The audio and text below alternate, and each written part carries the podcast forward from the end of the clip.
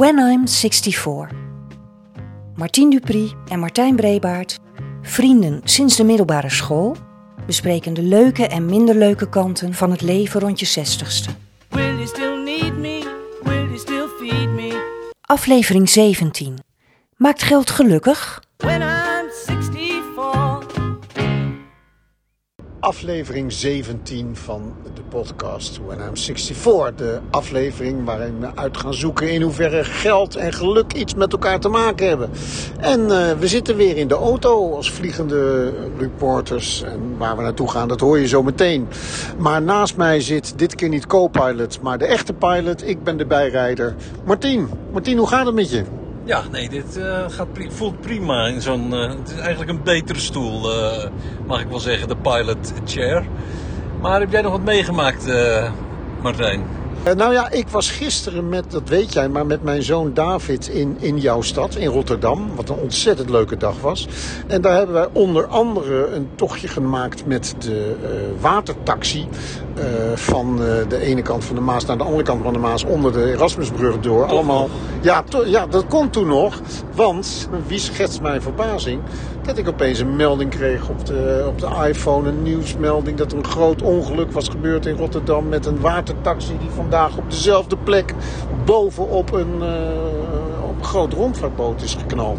Ja. Uiteindelijk is dat geloof ik goed afgelopen, maar de beelden waren afschuwelijk. Hij is gewoon overvaren door dat schip met een eh, gezin met zes mensen tegelijkertijd in het water. Toen dacht ik wel, eh, jongen, jongen, dat hadden wij kunnen zijn. Ja. Het is heel raar als je de beelden ziet. Iedereen zal ze inmiddels wel gezien hebben, maar je, gewoon een gigantisch schip. Het lijkt wel alsof je dat helemaal niet in de gaten heeft. Maar goed, goed afgelopen uiteindelijk. hey, en eh, met jou dan? Heb jij nog iets meegemaakt wat het vermelden waard is? Ja, nou, ik wil, maar dat wel. Maar ik wilde eigenlijk even terugkomen op de vorige aflevering. En in het eh, bijzonder de, de, de boekbespreking van Francisca. Eh, Op zoek naar het geluk. Ja, zeker. Zij besprak een boek van een zekere meneer Brooks, Arthur Brooks. En Arthur had eh, eh, na langdurig onderzoek geconcludeerd dat er zeven factoren zijn die eh, van invloed zijn, die, die bepalen of wij een gelukkig of gelukkiger tweede levenshelft hebben. Zeker, ik herinner het me. Onder Ja. andere stoppen met roken. Ja, stoppen met roken. Nou, dat is dan. Nee, niet stoppen met roken. Dat is toch weer. niet roken. Niet drinken. Jij moet het toch ook hebben. Toen werd ik toch al wat somberder van dit eh, met, met enthousiasme aangekondigde boek. Het derde was, eh, wat voor mij eigenlijk gewoon betekent niet eten. Dat was let op je gewicht. Het vierde was sporten. Ik voel hem aankomen. Blijf sporten. Het is geen lekkere serie tot nog toe. Nee, ik, zat, ik stond al met 0-4 achter. En aangezien er zeven factoren waren, wist ik toen al dat het mis zou gaan. En Francisca, die ging maar door. Ehm, vervolgens kwam factor 5. Nou, daar scoor ik dan geweldig. Dat is, je moet zorgen voor een goed copingmechanisme. Dat wil zeggen, hè, je, je moet om kunnen gaan met tegenslagen en teleurstellingen. Nou, daar ben ik een expert in met het soort leven wat ik heb. En dan, dat was vijf. En dan, nee, dat, ja, dat was vijf. En zes, daar deed ik ook mee. Je moet blijven leren, of in ieder geval veel lezen. Nou, ik lees geen boeken, tenminste, ik lees veel te weinig boeken. Maar ik lees ontzettend veel artikelen, actualiteit en kranten. Dus daar doe ik dan nog mee. Maar uiteindelijk, factor 7, daar gaat het dan toch echt definitief mis. Je moet hard werken, intensief werken, veel tijd besteden eh, aan een goede, langdurige relatie met de mensen om je heen. En, en, en, en voortdurend nieuwe netwerken ontwikkelen. Ja. Nou, bij het, bij het woord netwerk ben ik al, ontwikkelen hoeft niet eens. Bij het woord netwerk ben ik al afgehaakt. Nee, maar- dat kan ik niet. We, hebben- we hebben allebei niet zo'n goede score, Martien. Nee, daarom. Dus het verbaasde me eigenlijk dat. In eerste instantie zijn we er wel vrolijk ingegaan, althans enthousiast. Want ik dacht, er is iets. Er is iets. Je kunt zelf er ook aan werken om gelukkiger of gelukkig te zijn. Maar uiteindelijk ben ik toch afgehaakt eh, met, bij de adviezen of de factoren van meneer Broeks. Nou, misschien heeft Francisca nog ergens een plaatje als hulpverlenster. Ja, nou ja, nee, maar je moet het geluk zoeken bij jezelf en in jezelf. Want ik ben met al mijn negativisme. Ben, ik ben een gelukkig mens. En dat komt niet door die factoren dus blijkbaar.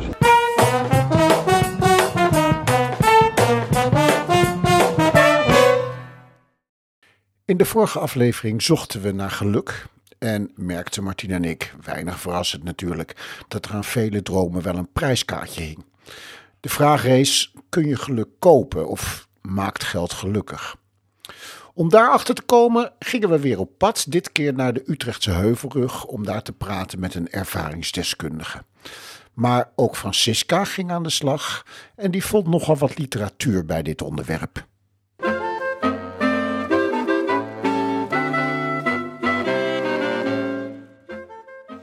Maakt geld gelukkig? Dat is een vraag die het onderwerp is van verschillende onderzoeken en het blijkt moeilijk om er een goed antwoord op te vinden. Onderzoeken laten bijvoorbeeld zien dat als het gemiddelde inkomen in een land stijgt, het gemiddelde geluksniveau niet verandert. Maar individueel blijkt het anders te liggen. Rijke mensen zijn over het algemeen gelukkiger dan arme mensen.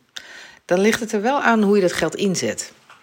Het blijkt dat het geluk vooral wordt veroorzaakt doordat je meer vrijheid hebt om te doen wat je wilt als je meer geld hebt. Als jij bijvoorbeeld een pesthekel hebt aan schoonmaken, is het fijn dat je een werkstuk kunt nemen. Of als je minder hoeft te werken, is het fijn als je meer tijd hebt voor je hobby's of je kleinkinderen.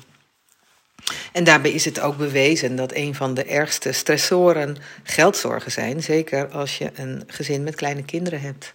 Want hoe erg is dat als je amper kunt rondkomen en uh, je weet niet of je nieuwe schoenen voor je zoontje kan kopen. Andrew Oswald is een bekende geluksonderzoeker en hij publiceerde in 2001 een onderzoek uh, waaruit bleek dat er wel een ondergrens is aan uh, geld en geluk. Tot 75.000 dollar maakt meer geld inderdaad veel uit voor het gevoel van welzijn. En daarboven neemt het eigenlijk niet toe. En dat bedrag bleek in dat jaar in Amerika voor een redelijk zorgeloos gezinsleven te kunnen zorgen. Dus ook logisch dat je welzijn dan toeneemt. In datzelfde onderzoek werd gekeken ook wat de invloed is van een plotselinge toename van inkomen, doordat je bijvoorbeeld de loterij wint of een grote erfenis krijgt. Nou, wat bleek? In het eerste jaar na dit event was het stressniveau flink gedaald en het geluksniveau behoorlijk omhoog gegaan. Maar daarna komt het toch wel weer een beetje op hetzelfde niveau terug. Want wij mensen zijn adaptieve wezens. We passen ons snel aan aan nieuwe omstandigheden, dus ook aan meer geld. En hoe gelukkig je je voelt, zou uiteindelijk dan vooral te maken hebben met je genetische make-up, je DNA. Nou, hoe kom je daar nou achter? Of het nou inderdaad je genen zijn waardoor je gelukkiger wordt, of dat geld toch ook een rol speelt.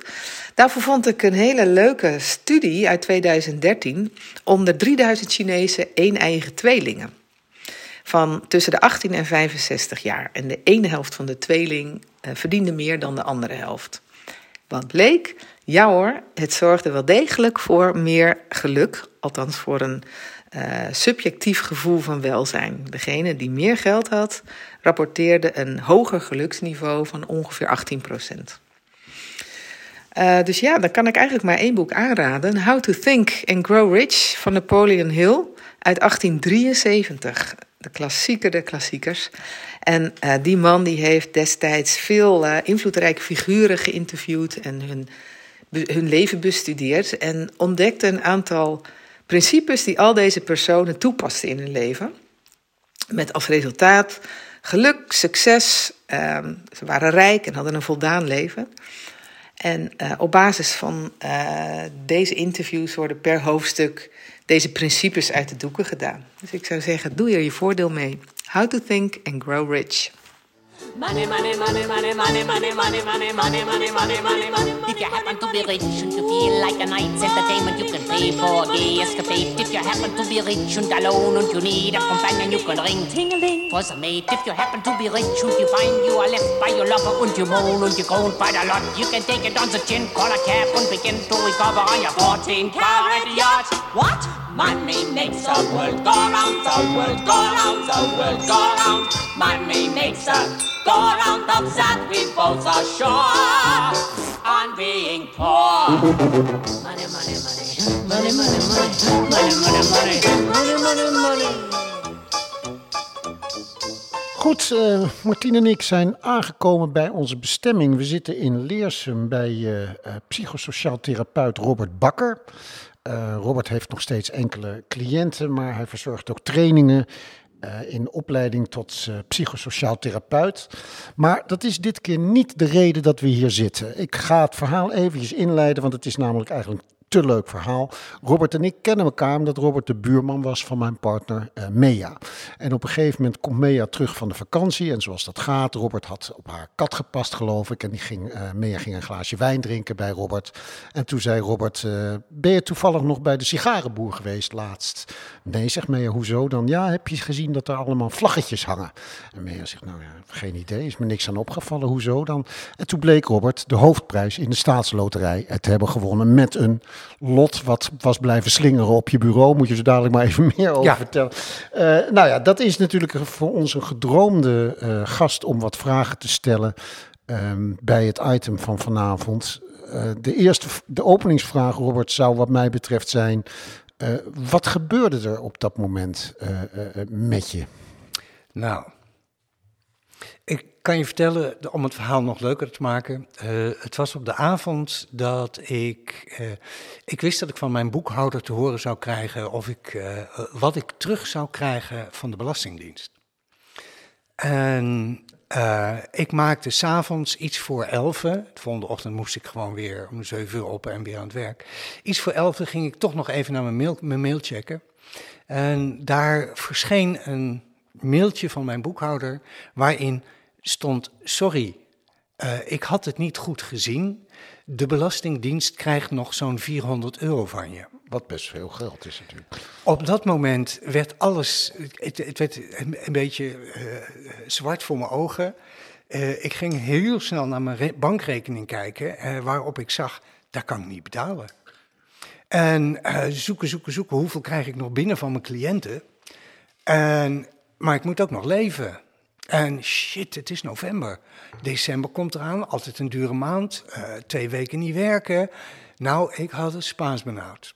Ik dacht, nou ja, oké, dan moet ik desnoods maar de Belastingdienst bellen om te kijken of ik een deal kan sluiten. Op dat moment viel mijn oog op het stapeltje 1 vijfde staatsloten. en dacht, goh, gisteren is de trekking geweest. Ik ben niet eens gaan kijken of ik iets gewonnen heb. En ik begin dus die loten te checken. En op een gegeven moment kom ik bij een lot. En ik denk, dit kan niet waar zijn. Dit kan niet waar zijn. De, ik had 1 vijfde van de jackpot.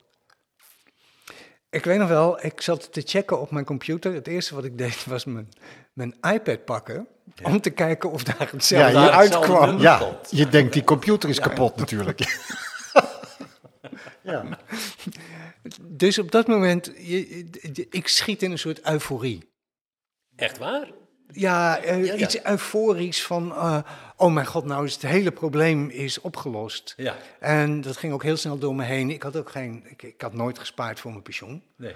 Uh, ik hoopte dat, dat ik voldoende afbetaald zou hebben aan mijn appartementje. Dat ik op een gegeven moment van, van mijn AOW zou kunnen leven. Maar op dat moment zag ik in één klap, oké, mijn pensioen is dus nu gewoon gezekerd. En dat, ja, dat gaf mij zo'n gevoel van ruimte. En de droom dat ik ooit een keer een huis buiten Amsterdam zou kunnen kopen in de natuur.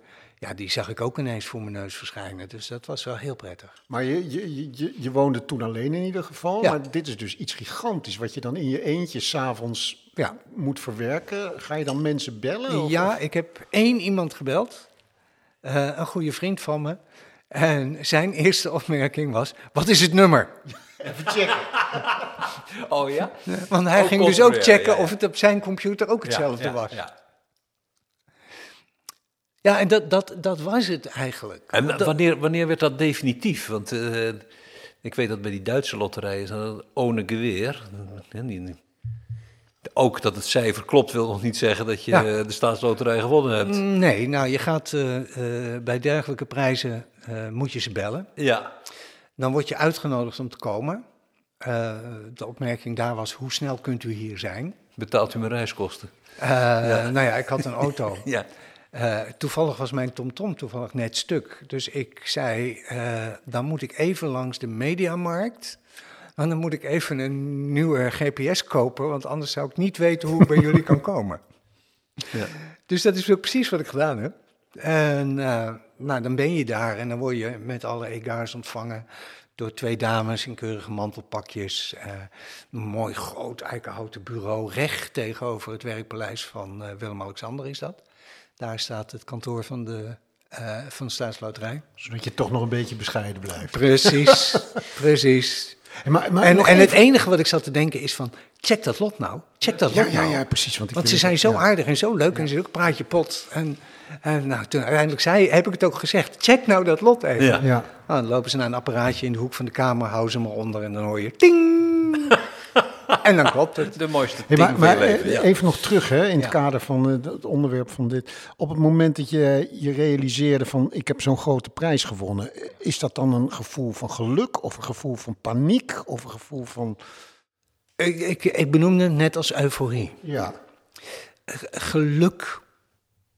Ja, dat ligt, dat ligt in elkaars verlengde, denk ik. Het, het, is, het zijn verschillende woorden voor, voor een bepaalde innerlijke beleving, denk ik dan. je zag wel plotseling mogelijkheden. Dat. Ja, ja, ja, En, en, maar goed, dat komt misschien later in het gesprek nog wel even van. eh, zeker. Wat je op dat moment bedenkt, heeft totaal niets te maken met wat er uiteindelijk Nee, gebeurt. nou ja, dat zou, ik weet niet Martien, maar dat zou mijn, als ik nog een vraag mag stellen, want dat is natuurlijk interessant. Van, we slaan een heleboel over, denk ik, maar in hoeverre is datgene, de stand waar je toen in stond, nog vergelijkbaar met, want hoe lang is dat nou geleden? Eh, acht jaar. Oké, en wat, wa- zou je kunnen omschrijven wat er in die acht jaar veranderd is? Eh, de veranderingen zijn in het begin enorm groot. Ehm, mm, wat ik daarnet al zei, je, je, ik denk dat iedereen die meespeelt in een loterij fantasieën heeft. Op het moment dat je zo'n lot koopt, heb je fantasieën van wat je zou gaan doen als. Nou, die had ik natuurlijk ook. Ik had fantasieën van wereldreizen. Ik had fantasieën van een huis kopen. eh, maar misschien ook nog een buitenhuis kopen. Oh, wat zou het leuk zijn om een, een eigen huis in Zuid-Frankrijk te hebben. Met een zwembad waar je iedere zomer naartoe kan. Eh, zo had ik van die, van die plaatjes. En ik ga een groot feest geven dan. En dan ga ik al mijn vrienden uitnodigen. En, en gaan we allemaal heel lekker eten en drinken. En eh, nou, dat, dat, dat soort plaatjes had ik ook. En eh, kan ik eindelijk de mooie kleren kopen. En, nou, ik kan je vertellen dat de allereerste dag dat het geld op mijn rekening stond, ben ik de stad ingegaan. Want nu kan ik dus alle mooie kleren kopen die ik hebben wil. Ik ben thuisgekomen met een zakje pinda's. Gewoon omdat ik zag wel mooie dingen, maar dan keek ik daarna, dan zag ik een hele mooie trui. En dan keek ik naar het prijskaartje en dan dacht ik, ja, maar het is belachelijk. Nou, dat ga je niet uitgeven voor een trui. Ja, maar je kan het nu wel betalen. Ja, maar het is nog steeds belachelijk. Dus, dus zeg maar, die, die, die omkering van, van iemand die ja, van, van, van minder dan modaal of zo rond modaal, modaal geleefd heeft. Na plotseling het besef van, ja, maar ik zou twee keer zoveel uit kunnen geven. Die, dat, dat duurt best een tijd voor, voor, voordat dat ook echt, echt beslag krijgt.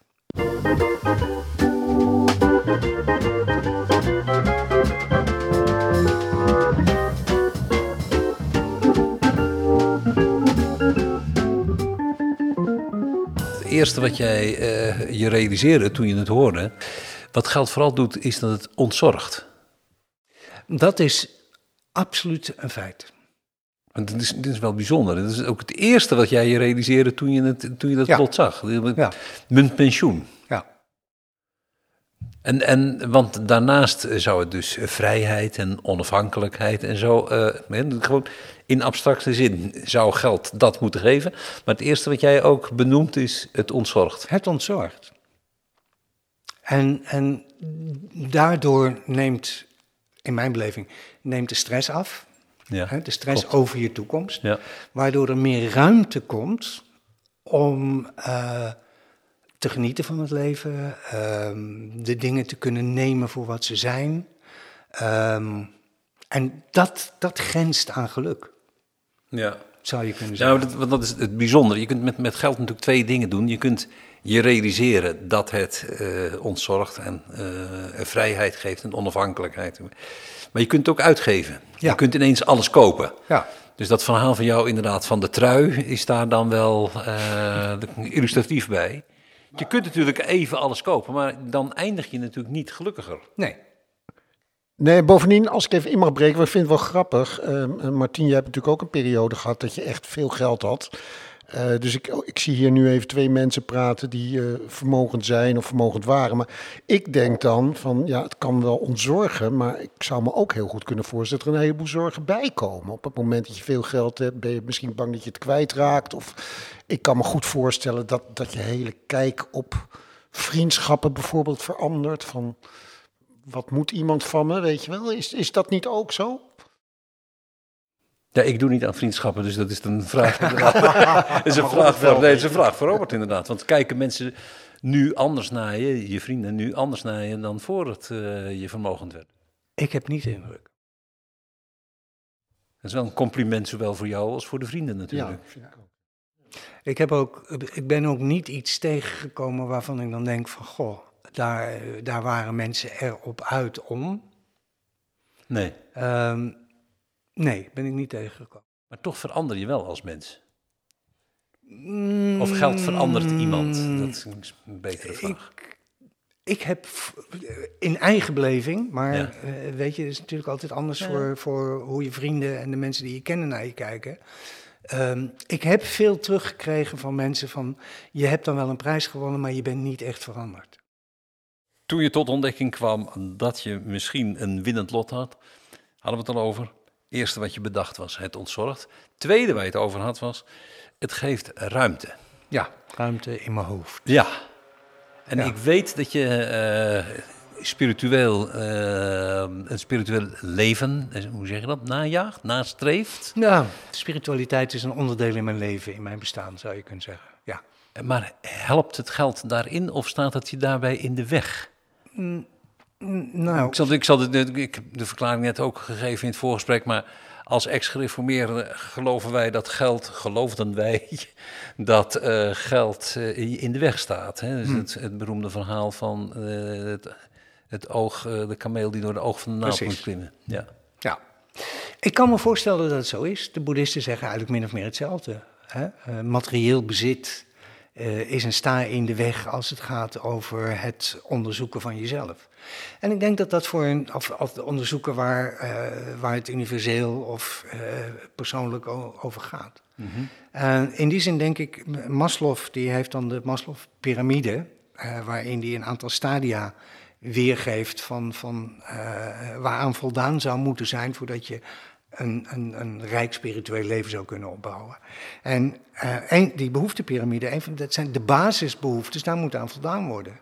En het is wel degelijk zo, zo in mijn beleving, zo heb ik het ook meegemaakt, heb ik dat zelf ook ervaren, dat als, je, als ik me toen in de tijd dat ik me nog heel erg bezig moest houden met eh, voldoende geld, uh, red ik het brood. einde van de maand en dat soort dingen, Ja. was er minder ruimte om mij bezig te houden met meditatie, met zelfreflectie en dat soort dingen. En op het moment dat aan die basis voldaan is, is er ineens tijd en ruimte in mijn hoofd om me daar meer mee bezig te houden. Dus mag ik concluderen dat jij je vraagtekens zet bij de, de leer. Hoe meer je van bezit afziet, hoe makkelijk het is om tot spiritueel inzicht te komen? Ja. Daar, eh, dat, ik denk dat het voor een aantal mensen zo is, maar dat het niet noodzakelijkerwijs waar is. Er is een heel mooi verhaaltje eh, over de oude, in oude India, waar een, een bedelmonnik, waarvan mensen zeggen die heeft de verlichting bereikt, die gaat op bezoek bij een koning, waarvan mensen zeggen die heeft de verlichting bereikt en die bedelmonnik die gelooft daar niks van. Want hoe kan dat nou? Ja. En afijn, hij wordt uitgenodigd op een groot diner. Eh, de koning zit al helemaal klaar met allerlei lekkere dingen. En de benemonnik die zegt nee, nee, nee. En die pakt zijn nap en doet daar wat bruine rijst in en een beetje vocht. En die eet dat zo, terwijl de koning lekker zit te genieten. En zegt, zullen we een wandeling door de paleistuinen gaan maken? Eh, dan kunnen we even praten over Dus de monnik zegt dat is goed. En eh, nou, zo gaan ze samen. En ze lopen steeds verder, verder van het paleis af. Totdat op een gegeven moment komt er een van de bedienden komt aanrennen. En die zegt: Koning, koning, meester, meester, het paleis staat in brand. Waarop de koning zegt: Ja, maar ik ben nu met iets veel belangrijkers bezig. De bedelmonnik springt op en roept: Mijn staf, mijn nap.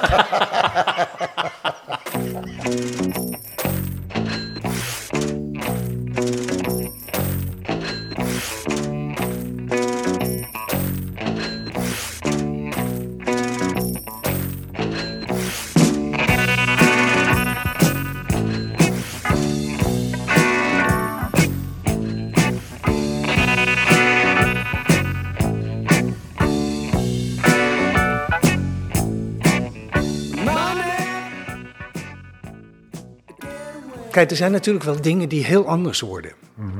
Uh, ik kom zelf uit een milieu. Mijn vader die werkte, heeft ze jaren in de fabriek gewerkt. Mijn moeder die maakte huizen schoon. Uh, ik heb dan de mazzel gehad dat ik daar uh, boven, daar, daar, daaruit heb kunnen studeren, zou ik maar zeggen. En plotseling kwam ik dus in een situatie Hè, altijd mijn eigen huis geverfd, schoongemaakt, enzovoort, enzovoort. En ineens kom ik in de situatie dat ik mensen kan betalen om dat te laten doen. En dat was een dingetje waar ik me overheen moest zetten. Die vond ik bijvoorbeeld heel lastig. Ik herinner me nog wel dat ik op een gegeven moment dacht van... ik, ik sta hier als, als het ware tegen mijn vader te vertellen hoe hij iets moet doen. Ja. En die vond ik, daar heb ik het een tijdje ongemakkelijk mee gehad. Ik merkte ook van, dan ging ik die mannen die, die hier dit huis aan het verbouwen waren, dan ging ik ze extra koffie en thee geven. Ja, ging lekkere dingen voor ze halen. En ik ging ze heel erg verzorgen. Maar dat kwam ook omdat ik een soort wonderlijk schuldgevoel had van, van, ja, daar komt een jongen uit het socialistische nest en eh, die, die wordt dan ineens iemand met geld en die gaat mensen in dienst nemen. Dat moet je ook leren, hè? Dat moet je leren. Ja, ja. Tot de- dat besef van, ja maar wacht even, dat geld wat ik dus uitgeef, dat is dus ook, dat geld beweegt dus als het ware weer, waardoor andere mensen dus ook weer dingen kunnen Ja. kopen. Ja, ja. Ja, dus dat je een onderdeel wordt van een systeem, maar dat duurde even voordat ik die snapte. Is dat ook een soort schuldgevoel wat je gehad hebt ten opzichte van mensen die die prijs niet gewonnen Ja. hebben? Ik kan me voorstellen dat degene Ja, die dat lot ik- vijf minuten later heeft gekocht, zat er natuurlijk net naast. Ja. Nee, de, de waarom, waarom overkomt mij dit? Eh, heb ik wonderlijk genoeg meer gehad met het winnen van de prijs dan met het krijgen van, daar hebben we het nog niet over gehad, maar het krijgen dat ik een paar jaar later eh, kanker kreeg en heel ziek werd. Dat is natuurlijk ook bizar. Ja, Het is bijna alsof het een, een, een, soap, eh, soapverhaal is waarvan je denkt, ja, dit gaat een beetje te veel alle kanten op. Van het ene uiterste naar het andere ja. Uiterste. Ehm, welke rol heeft, speelt je rijkdom op zo'n moment nog? Ehm, nou ja, weer, het ontzorgt. Uh, ik kon mij permitteren om uh, iemand te betalen die uh, vijf dagen in de week een aantal uren hier aanwezig was om met de hond te gaan wandelen en mij in de auto naar het ziekenhuis te brengen ja. voor de bestraling. Uh, anders zit je namelijk zit je gebakken aan, aan, aan zo'n regeling met zo'n taxibedrijf. En dat kan betekenen dat je anderhalf uur voor je bestraling opgehaald wordt en tot 2,5 uur na je bestraling pas thuisgebracht wordt. Ja, weet je, dat is dan echt wel, op dat moment is geld ineens een heel belangrijk dingetje. There was a Joe um, leaning on the back door. A couple Jills that had their eyes on a couple bills, and the eyes were stating they was waiting to get their hands on some easy money. They flip a dime. One says, Well, I'll take heads this time. One step up, one step back, one loosened her shoulder strap. She couldn't speak, her knees got weak. Oh, she could almost taste it. Easy money. Maar voor de rest uh, uh, geeft, geeft het geld natuurlijk ook wel, uh, of is de, de ziekte eigenlijk, geeft ook de betrekkelijkheid van het geld aan. Ja, zeker. Zeker. En, en ook gezien dat deze podcast over geluk gaat, ja. um, dan merk je ook dat, dat gezondheid is eigenlijk zo belangrijk. Net, net als vriendschap. Net als uh, de relaties die je hebt met mensen. Net als de zin die je weet te geven aan je bestaan. Mm -hmm. Als ik nu terugkijk, dan denk ik, waar haal ik mijn geluk uit? En waar heb ik eigenlijk altijd mijn geluk uitgehaald, is hieruit. Dus uit vriendschappen, uit, uit uh, de zin geven aan mijn eigen leven. Uh, uit het gevoel dat de dingen die ik doe ertoe doen. Um, daar had je die prijs niet voor nodig. Daar had ik die prijs niet voor nodig. Nee. Dus, dus dit, dit, ik zei ook al een keer in de voorbespreking: voor mij is er een verschil tussen gelukkig zijn en geluk hebben. Ja. He, dus je kan de mazzel hebben van iets en dat is hartstikke fijn. En daar kan je je gelukkig door voelen, maar dat is een tijdelijke. Uh, dat is veel tijdelijker dan, ja. dan wanneer de, de, de basis van je leven, uh, je relaties, je vriendschappen, uh, het werk wat je doet, de tevredenheid die je daarmee hebt, dat is uiteindelijk hetgene wat, wat, wat geluk tussen aanhalingstekens geeft. Dat lijkt mij een hele mooie conclusie. Robert, Martien en ik willen je graag hartelijk danken voor je openheid, voor je gastvrijheid. Ik vond het een heel fijn gesprek. Dank je wel. Vond ik ook. Dank jullie ook wel.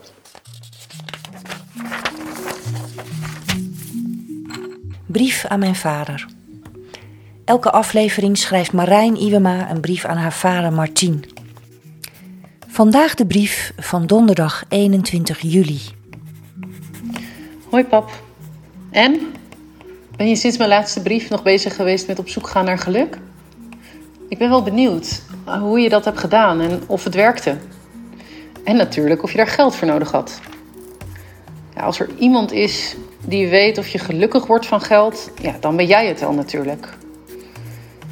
Ik groeide op in een wereld waar altijd geld was. Ja, daar was ik me totaal niet van bewust op dat moment. Maar zo kijk ik er wel op terug. Vanaf dat ik ongeveer 19 was, ja, was dat geld er niet meer. En ja, dat ging toen wel opvallen. Jij was in die tijd heel erg ongelukkig. Vooral dat weet ik nog erg goed. En ik leerde dat het hebben van geld zorgeloos maakt en het niet hebben van geld heel bezorgd. Ja, die ervaring van veel geld hebben en daarna heel weinig heeft mijn blik op de wereld wel veranderd. En volgens mij ook jouw blik op de wereld. En natuurlijk heeft het me veel negatieve lessen gegeven. Zoals dat ik praten over geld nog altijd heel lastig vind. En dat ik me heel snel zorgen kan maken over geld. Maar ook wel hele positieve lessen. Doordat ik opgroeide in een wereld vol geld, wist ik ook niet beter. En ondanks dat jij en mam me altijd leerde dat iedereen gelijk is, denk ik dat ik dat toch pas echt kon voelen na die ervaring. Ik heb het wel eens ervaren als een hele schaamtevolle periode. Maar ik leerde dat de mensen om me heen, die echt om me gaven, wel naar me luisterden. En het leerde me dat je geen geld nodig hebt om ervaringen met anderen te delen en je met iemand te verbinden. Het leven is wat je gebeurt terwijl je bezig bent een plan te maken, schreven de Beatles. Ja, en ook dat is een levensles die ik hierdoor leerde. Het leerde me te genieten van de kleine dingen op verschillende manieren. Alles kan opeens anders zijn. Maar geluk zit ook in aandacht hebben voor elkaar. Een moment of iets wat je om je heen ziet. Geld kan ontzorgen, maar maakt het gelukkig? Ik denk alleen wanneer je er tijd mee koopt of ervaringen mee koopt, of wanneer je het besteedt aan anderen. Ja, dat komt ook uit de meeste psychologische onderzoeken trouwens. Wat denk jij, pap? Was jij met geld gelukkiger dan je was zonder geld? Kus.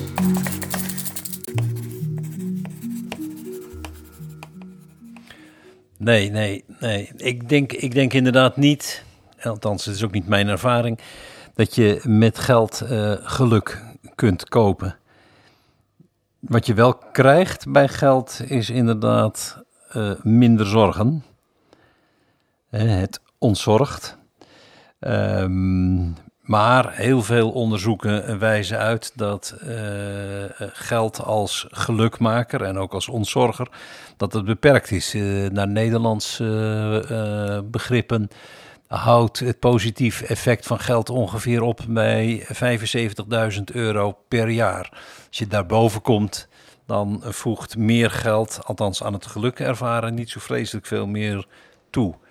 En dat, dat hoor je ook in het gesprek wat we zojuist hadden met eh, Robert, eh, Martijn. Waar, waar Robert zegt, toen hij in de gaten kreeg dat hij de hoofdprijs gewonnen had, of dat hij een grote prijs gewonnen had, vielen er ineens heel veel zorgen eh, van hem af. Maar dat waren dan wel de huistuin- en keukenzorgen. En het, het schiep voor hem ruimte, zegt hij. Ja, ja. Ja, wat, ik, wat mij eigenlijk het meeste opvalt is dat we nu van... Nou, als ik jou ook even als bron neem, want je bent ook een eh, ervaringsdeskundige. En je dochter en Robert en de onderzoek van Francisca. Ze wijzen eigenlijk allemaal dezelfde kant op. Hè? Bedoel, het is, eh, geld is, kan dingen faciliteren, kan het leven misschien aangenamer maken. Er is ook zo'n oude grap van ja, je kunt toch net iets comfortabeler huilen in een Mercedes dan in een Ja. afgetrapte Lada. Eh, maar uiteindelijk, als het uiteindelijk om geluk gaat, noemt eigenlijk iedereen toch andere dingen. Het, het, het tijd Ja, hebben voor elkaar. Het, Behalve dat we nooit mogen vergeten dat inderdaad als je, als je echt gewoon te weinig geld hebt, geld eh, zeker gelukscheppend is. En dat het heel, heel zeg maar, hoogwaardig is om te zeggen dat geld niet gelukkig maakt. nee, maar dat heb ik zelfs meegemaakt. hè? ja. Dat je gewoon als je merkt dat je per maand structureel meer uitgaat dan wat erin komt, dan kan dat al een enorme stress, eh, stress geven. Ja. Een ongeluk Ja. of een ongelukkig gevoel. Ja. Ja, ja, zeker. Dus ik, nee, geld maakt niet ja, gelukkig. de hoofdvraag. Nee, ja, nee, Kunnen geld, we die beantwoorden? Het helpt wel, misschien. Het helpt zeker. En, en eh, schrijnend is natuurlijk eh, eh, zo'n verhaal van Robert, wat ik niet van Robert, maar in het algemeen vanwege mijn werk van dichtbij ken. Als je geld hebt en je moet elke dag heen en weer gebracht worden naar het ziekenhuis Ja, voor, voor behandelingen. Ja. Als dat van staatswegen moet worden georganiseerd, is dat, is dat een verschrikkelijk ordeal. Dat, dat is verschrikkelijk. Nee, uren wachten, afhankelijk zijn van anderen. Dat is wat geld doet. Onafhankelijkheid geven, vrijheid. Dat kun je op een andere manier niet bereiken. Dus het verschil tussen, wij van spreken, 10.000 euro gereserveerd hebben of een half miljoen gereserveerd hebben, is kleiner Ja. dan het verschil tussen eh, rood staan of. Of je, je wekelijks zorgen maken of je de kosten wel rond kunt krijgen. Dat, dat is eigenlijk de. Daar gaat het eigenlijk om. Als je Ja. rond kunt komen van wat er binnenkomt of wat er is, Ja, dan is er niks aan de hand. Eh, onze oudste zoon die zei altijd: Het kan me niet schelen hoeveel ik verdien als ik maar 1 euro per maand minder uit hoef te geven dan er binnenkomt. Dan ben ik gelukkig. Dat is hem vrij aardig gelukt overigens.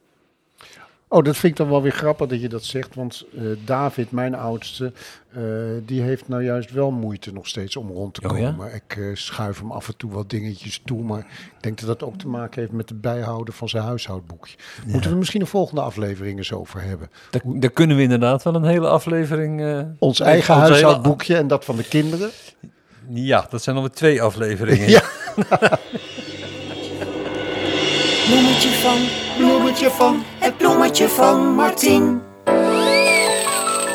Vanavond geen gedicht. We gaan iets anders doen.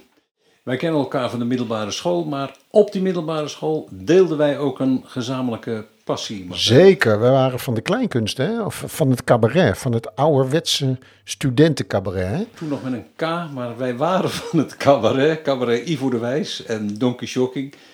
En het is ook wel eh, chockerend om even verder te gaan hiermee, dat wij 50 jaar na dato nog al die teksten van eh, die cabaretgroepen uit ons hoofd kennen. We zongen ze, eh, Martijn begeleidde op de piano. Ehm, en we hadden een eigen cabaretgroep. En vanavond, omdat het zo ontzettend leuk was om samen te werken aan dat soort nummers. Eh, vanavond doen we een nummer van eh Huub van der Lubbe, Martijn. Ja, we zitten dus ook niet meer achter de tafel, hè? Dat is misschien wel leuk om even We, te we vertellen. zijn even een paar meter eh, opgeschoven Ja. naar je werkkamer. We Ja. zijn even in mijn werkkamer gaan zitten, waar we eh, geheel spontaan... Nou, we hebben een heel klein beetje voorbereid, stiekem. Maar toch, het is, he- het is jaren geleden. We gaan gewoon proberen om samen een liedje te doen. Ja, ik heb er enorm veel zin in. We hebben een, eh, een nummer gekozen, eh, Geld maakt niet gelukkig, van Huub van der Lubbe. Het is absoluut niet zijn beste light verse wat hij ooit geschreven heeft, maar mens, wat een leuk nummer. Fijne melodie, ontzettend leuk om te doen en eh, we gaan het proberen. Geld maakt niet gelukkig. En zo toepasselijk ook. Ja. Geld maakt niet gelukkig, hoor je wel beweren. Maar voor een half miljoen wil ik het wel eens proberen. Mijn best voor doen. Dan is iedereen mijn vriend. En ik draag een soepel pak. En ik steek nog een sigaar op, want ik zit op mijn gemak. En ze lachen al mijn grappen als ik zwaai met een paar flappen. En ik heb verder aan de hele wereld lak. En de band speelt mijn verzoekjes. Die jongens doen alles voor een fooi. En dan geef ik nog een rondje, rondje voor de hele zooi. En iedereen wil naast me zitten en mijn cocktail olijf ontpitten. En ik weet het niet, maar het lijkt me prachtig mooi. Geld maakt niet gelukkig, hoor je wel eens een lullen. Geld maakt niet gelukkig, maar het scheelt toch wel een smak. Niks is ook zo weinig, dus het lijkt me wel eens schijnig. Zo'n bedrag van zeven nullen, slordig in mijn achterzak.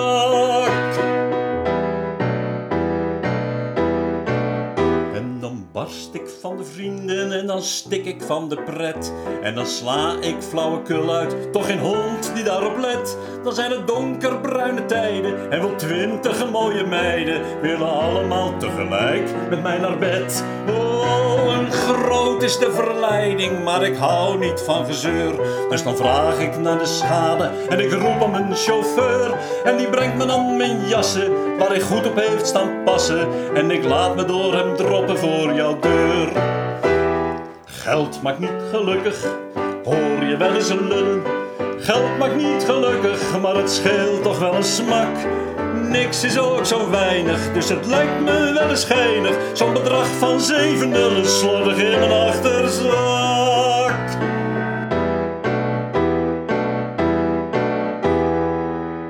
Want jij kent me nog van toen, toen ik nog geen cent bezat.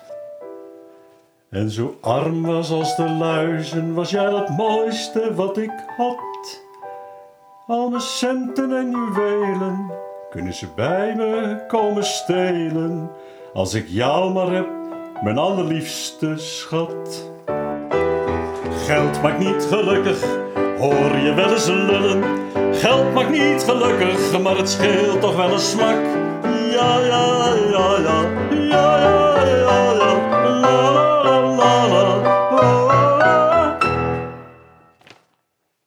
En daarmee sluiten we aflevering 17 van de podcast af. Martien gaat morgen met de hele familie, dus ook met dochter Marijn op vakantie. Ik doe dat twee weken later met de voice-over van eh, deze podcast, Mea. Eh, van Francisca weet ik het niet, maar Coot zit nu in Frankrijk en is daar vooral bezig om de afschuwelijke bosbranden een beetje bij haar huisje weg te houden. Eh, kortom, we hebben allemaal zo onze eh, beslommeringen en in augustus zijn er dus geen uitzendingen. We hopen de eerstvolgende uitzending in september, rond 1 september te doen. En eh, leuk als jullie daar weer bij zijn. Een hele fijne vakantie allemaal.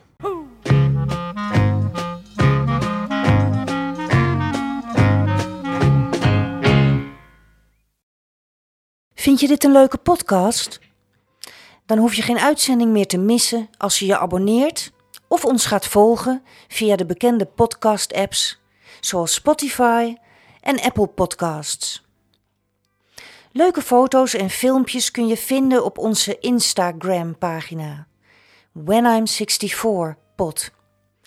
Reageren kan via de mail whenI'm64podcast at gmail.com.